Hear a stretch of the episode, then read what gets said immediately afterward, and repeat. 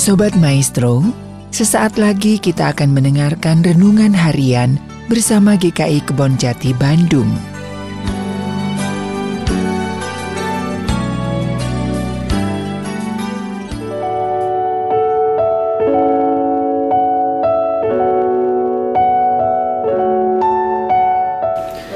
Salam sejahtera saudara-saudara. Kembali lagi bersama saya Alfian Dito Iliandiki Di dalam program Renungan Harian pada hari ini di mana ayat pada hari ini diambil dari Lukas 5 ayat 27 sampai 32 Yang berbunyi demikian.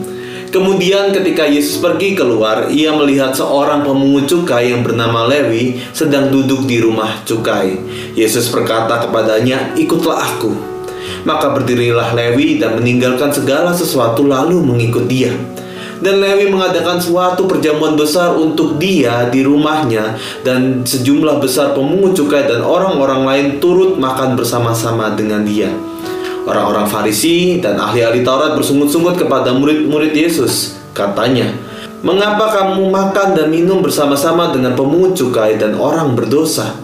Lalu jawab Yesus kepada mereka, katanya, Bukan orang sehat yang memerlukan tabib, tetapi orang sakit. Aku datang bukan untuk memanggil orang benar, tetapi orang berdosa, supaya mereka bertobat. Saudara-saudara, tema yang saya berikan pada hari ini adalah menjadi garam di air tawar.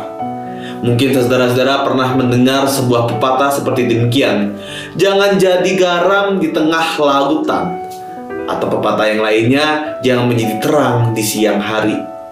Ungkapan ini sering kali menjadi sindiran ataupun kritikan tentang bagaimana seseorang atau komunitas yang uh, hanya mau menjadi baik di tengah lingkungan atau di tengah orang-orang yang baik. Permasalahannya adalah menjadi orang baik di tengah komunitas yang baik merupakan hal yang biasa saja dan sudah sewajarnya demikian. Kebiasaan dan lingkungan yang baik tentu mempengaruhi karakter seseorang. Jadi nggak heran ketika orang berada di dalam lingkungan yang baik, ia menjadi baik. Sikap dan tindakan kita di dalam kehidupan sehari-hari otomatis menjadi baik kalau kita berada di dalam lingkungan yang mendukung. Namun permasalahan utamanya adalah bagaimana kita menjadi sosok garam dan terang di tengah situasi, lingkungan, komunitas yang mungkin tidak mendukung, yang mungkin memiliki prinsip yang berbeda di dalam kekristenan. Di tengah situasi tersebut di mana semua orang penuh dikatakan penuh kejahatan, di tengah situasi yang sering kali dikatakan gelap dan tawar, apa respon kita? Kiasan jangan menjadi garam di tengah lautan ataupun menjadi terang di siang hari ini menjadi tantangan bagaimana kita sejatinya uh, mampu untuk keluar. Seringkali orang-orang ataupun komunitas takut untuk keluar di dalam komunitasnya. Ia hanya peduli terhadap orang-orang yang ada di dalam satu lingkup komunitas, bahkan enggan atau takut untuk menjadi terang di luar komunitas yang menjadi ter, uh, agar bisa menjadi terang di tengah gelap. Alasannya apa? Kalau saya pergi ke tempat yang gelap, nanti saya ikutan gelap. Ibarat lilin berada di uh, di sebuah meja makan lalu kita tutup dengan tutup makan. Tutup makan yang besar. Maka api yang di, ada di dalam lilin itu lama-lama akan pudar, lama-lama akan mati. Api dari lilin itu akan mati dan gelap akan menguasainya.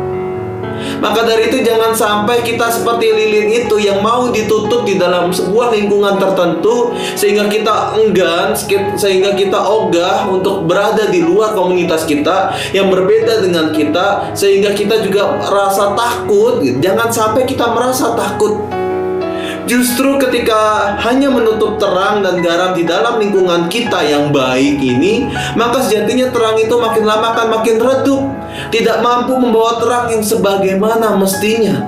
Hal tersebut dapat dilihat di dalam kisah Yesus di dalam Injil Lukas yang menjadi bacaan kita pada hari ini, di mana ia awalnya dikritik oleh para fari, orang Farisi dan ahli Taurat karena duduk bersama dengan orang-orang pemungut cukai dan yang dianggap jahat. Pada saat itulah Yesus langsung berkata di dalam ayat 31 sampai 32, bukan orang sehat yang memerlukan tabib, tetapi orang sakit. Aku bukan aku datang bukan untuk memanggil orang benar tetapi orang berdosa supaya mereka bertobat. Jawaban Yesus ini menjadi penekanan bahwa Sang Kristus itu datang ke dunia bukan untuk membawa terang di tengah dunia yang sudah terang, melainkan ia datang kepada dunia di dalam dunia yang gelap, di dalam dunia yang dingin, dunia penuh penindasan dan ketidakadilan, di mana ia menghadirkan terang serta mengestafetkan terang itu kepada para pengikutnya, sehingga terang yang awalnya menjadi hanya satu menjadi menyebar, menyebar terus menyebar di tengah dunia yang gelap. Demikian juga ketika kita seperti memasak sup garam yang kita gunakan hanya sedikit, tapi garam itu menyebar, hancur dan larut di dalam setiap komponen sup kita sehingga kita merasakan bahwa sup yang kita rasakan mengandung garam. Pertanyaannya adalah bagaimana dengan kita? Siapkah kita mampu untuk meneladan Kristus dalam misinya membawa terang di tengah dunia yang gelap? Ataukah mungkin sampai saat ini kita terlalu nyaman dengan situasi yang sudah terang ini? Tuhan memanggil kita untuk keluar menyatakan kasih Allah di dalam kehidupan kita sehari-hari.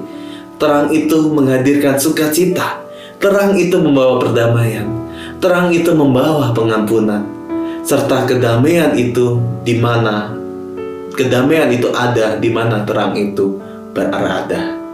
Pertanyaannya adalah, maukah kita menjadi pembawa terang itu di tengah dunia yang gelap? Maukah kita untuk menjadi garam yang membawa agen-agen perubahan di bagi sekitar kita sehingga lingkungan kita menjadi lingkungan yang berdampak untuk kemuliaan Allah. Tuhan Yesus memberkati kita semua. Amin.